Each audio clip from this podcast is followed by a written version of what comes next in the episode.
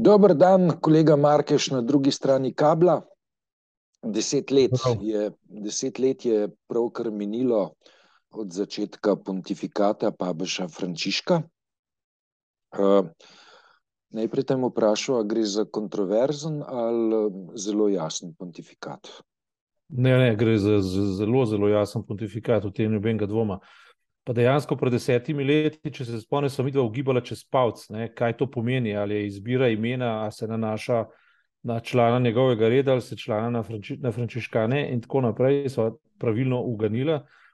In potem smo tam uh, razmišljali, kam bi šla ta pot. Ne, prav dobro se spominjam in, in uh, tega, tega najnega od sredo, srede se je ogledalo rekordno število ljudi po vsem svetu. Ne. In zdaj po desetih letih, ne, dejansko je to, se mi zdi, datum, ki ga ni mogoče, ali pa ki ga ni niti pametno spregledati, zaradi tega, ker je v neki popolnoma spremenjeni politični realnosti, glede na te danjo, ne, se je izkazalo, ne, da gre za, za nek pontifikat, ki je v bistvu na nek način subverziven tako do lastne inštitucije, kot je tudi subverziven do prevladujoče ideologije sveta, to je pa neoliberalizem. Ne.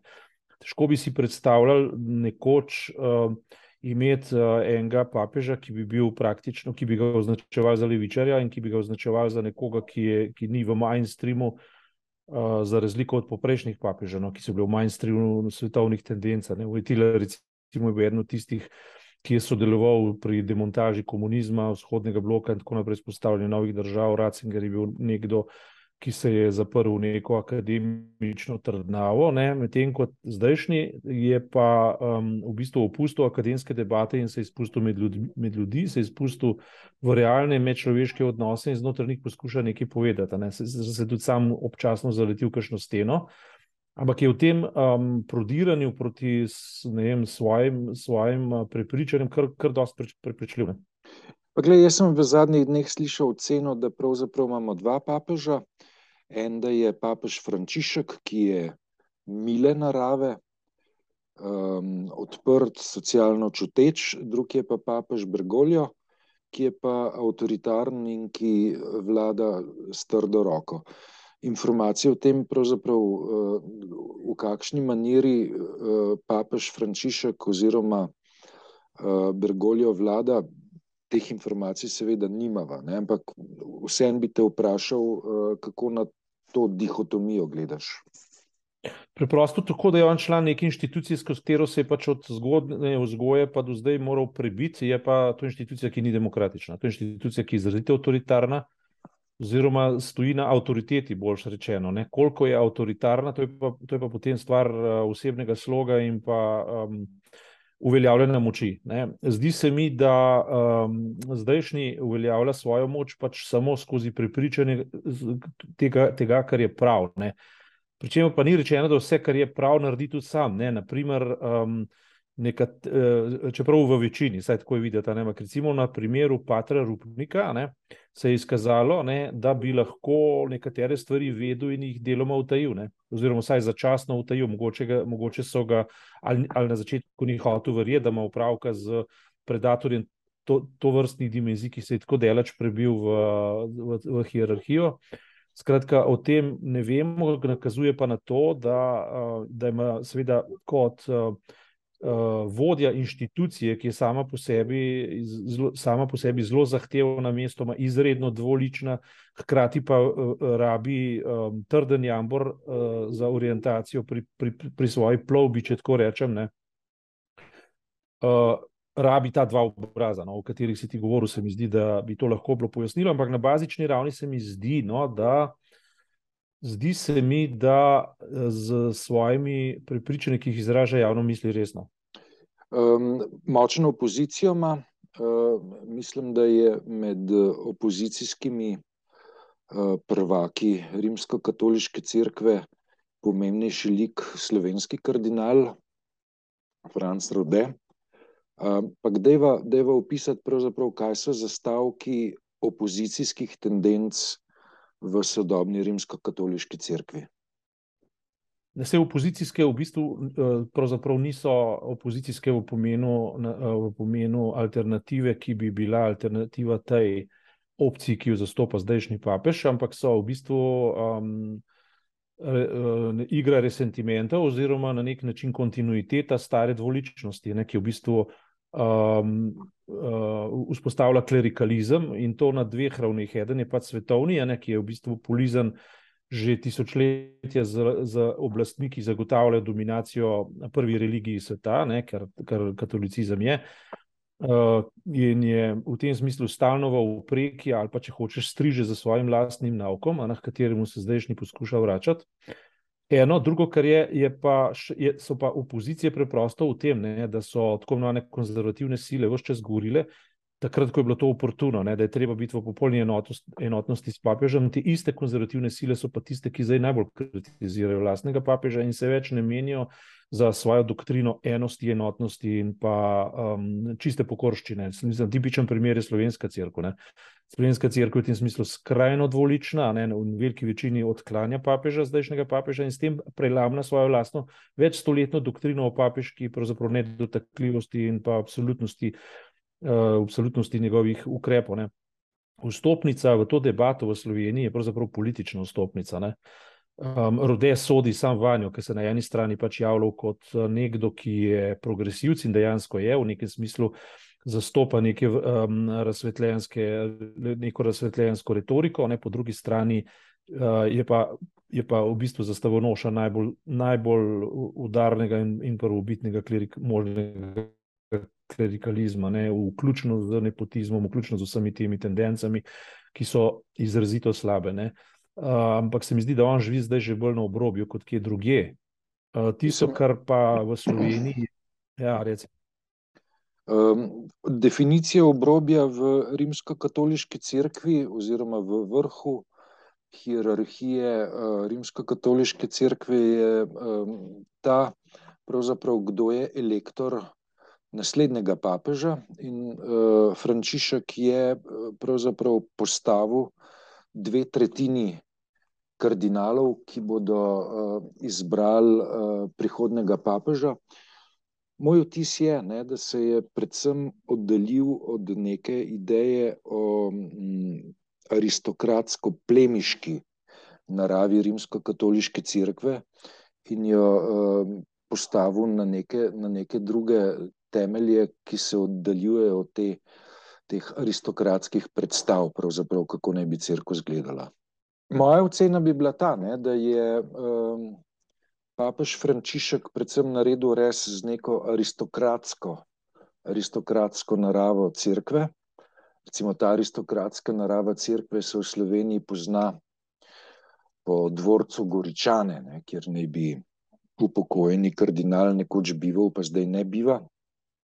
Se mi zdi, da je sporočilo uh, papeža Frančiška, da, te da se je ta aristokratska doba definitivno končala. Ja, veš, uh, problem, je, problem je pravzaprav dvojen. Eden je pač v liniji same crkve, kako pelje pač svojo, ta svoj napuh ali pa to, kako ne rečem, to svojo oblastno linijo. Ne. Druga je pa uh, to, ne, da je v sodobnem svetu katoliška crkva preprosto izgubila svoj prostor avtoritete in pa moralne avtoritete, kar pomeni, da ni toliko pomembna po tem, kaj je, ampak po tem, kdo zaseda prostor, ki je umankal, ki, ne, ki, v katerem ona več ne stoji. Ne. In to je ta moralni prostor. In zato je crkva v veliki meri, katoliška crkva v Evropi in pa zlasti v Sloveniji, v ogromni, ampak v ogromni meri odgovorna. Za vznik uh, kužnega nacionalizma, uh, tega tako rekoč perverznega desničarstva, ki se, um, ki se manifestira v politični ideologiji de, slovenske desnice, pri kateri crkva bodi si aktivno sodeluje, uh, bodi si ne reagira, ko bi morala. Naprimer, samo da primerjam, recimo katoliška crkva v Nemčiji, ki je bolj, um, kako ne rečem, vsebinska in je zdaj že prišla do točke, ko blagoslavlja, uh, hoče priha, prihaja nasproti novi stvarnosti, Eh, in ob gejovskem vprašanju poskuša vključevati, ne, to je tudi skladno s tem, kar pač uh, govori papež, ne, poskuša vključevati geje v svoje skupnosti in jih ne izključevati. Sprav poskuša blagoslavljati njihove zveze in iskati stik z njimi. Ne. Pri nas, konkretno, ne, pa katoliška crkva, ki je polna, slovenska katoliška crkva, ki je polna teh anomalij, uh, kot jih sama um, pač uh, kodificira. Ne, na veliko moralizira o zadevah, ki so v bistvu danes splošno civilizacijski standard. Že, Uh, hkrati, a ne, imaš pa na drugi strani, uh, uh, recimo, vem, določene, določene manifestacije, recimo obletnica Nove 24, ne, se pravi, neke mačarske televizije, ki, je, ki se je zdaj nekako polaslinila na nek način, ne, kjer naredijo neko proslavo, obletnico ustanovitvenega medija, kjer pripeljejo kaj duhovnika in potem se postavi na oder in ljudem, ki so očitno brezbrižni, ne, tam na dolgo izreka molitev, se križajo in uh, skratka postavljajo. Eh, neko, vzduš, neko vzdušje, ki je vzdušje veš, um, križarskih vojn, preden so napadli Jeruzalem, ko je bilo treba osvobajati uh, pred, uh, pred uh, muslimani. Ne. Skratka, uh, ta, ta dvojnost ne, od tega, kar naj bi predstavljal uh, val um, jut, crkve jutrišnjega dne in tega, kar Slovenija predstavlja v umankanju crkvene avtoritete, tradicionalne crkvene avtoritete, gre na roko um, v bistvu pol, uh, politični pobudi, ki jo je pa sprivatiziral, seveda, Janša, ne, skozi ideologijo domoljubja, skozi ideologijo osamosvojitve, skozi ideologijo neke desne paradigme, ki je popolnoma proti socialdemokratska, skrati popolnoma proti temu, kar sam papež počne. Hkrati je pa identična temu, kar je Orban počel. Ne. Ta lik je zdaj mehen zamrl, ampak je še vedno v ozadju vsega dogajanja in katoliška crkva pri tem aktivno sodeluje.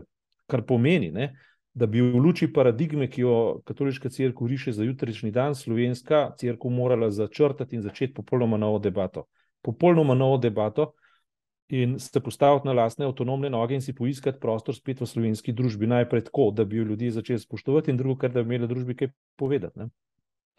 Um, ampak ti trdiš, da nima kaj povedati. Slovenska po svoji vsebini, po slovenska crkva nima, nima popolnoma nič zapovedati več.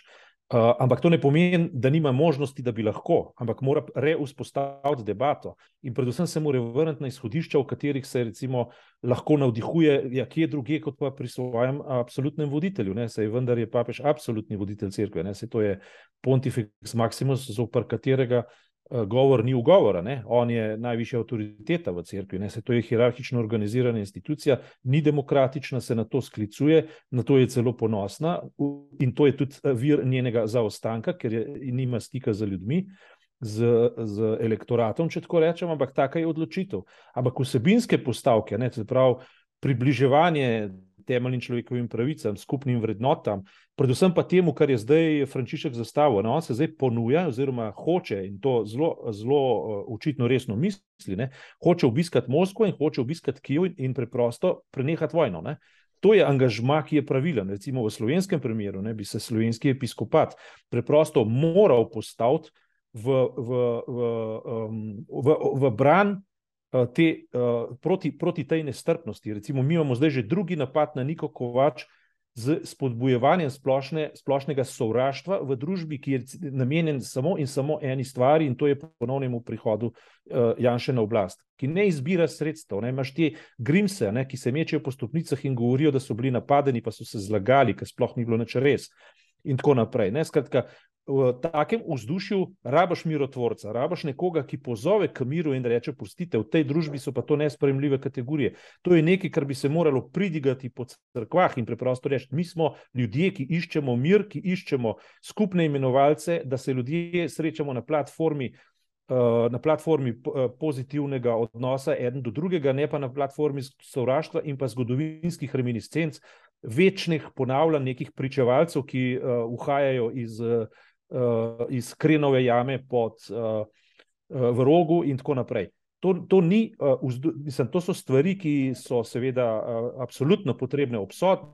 Zločin in tako naprej, ampak ne more pa biti kurivo za odnose z, v jutrišnjem dnevu, zlasti pa pri ljudeh, ki s tem niso nikoli imeli nič. Ne, ne eni in ne drugi, s tem nimajo več nič, ne, razen, razen potrebnega spoštljivega spomina. In uh, katoliška crkva bi morala biti mirotvorna, še več, morala bi se povezati z drugimi crkvami, z protestantskimi, muslimanskimi in tako naprej. Ne? Kar seveda počne na ravni nekega ab abstraktnega akademskega ekumenizma, ki pa ne pomeni popolnoma nič. Ne? To so manifestacije za, za, za lep zunanji izgled, za nek blišč in tako naprej, v realnosti pa v družbi ne odsevajo v ničemer. Skratka, ta, ta situacija, recimo, in domnevam, ne, da je v podobni koži, kot je slovenska katoliška crkva v razmerju do Rima, ne, to se pravi do globalne katoliške cerkve, eh, cel srednji evropski blok, ne, verjetno so na istem so Poljaki, na istem so Čehi, na istem so Slovaki, predvsem pa Hrvati, mogoče deloma tudi Italijani, ampak Italijani že manj, ker imajo neke moderne trende, mislim, moderne pač neke teoretske trende, neko večjo tradicijo, večjo prisotnost klera in tako naprej. Skratka, to je um, nek, uh, nek moment, ne, ki ga deseta obletnica uh, pač Bergolija, ne, uh, izpostavlja, ne, tako enako kot ga je pred desetimi leti. In, če se ti spomniš, Bergolijo takrat rekel, da, da on bo nek, nekako tri leta zdržal. Ne. Zdaj je že trikrat tri plus eno leto. Ne. In um, uh, verjetno bi si sam želel, da bi več naredil, verjetno pa tudi sam pres, pres, presenečen nad tem, koliko časa se je obdržal, ko je vendar mislil, da bo samo prehodni. Ne. Mm. Kolega Markaš, hvala za tokrat. Za tehnične motnje se upravičujemo, slišva se čez teden dni. Srečno. Srečno.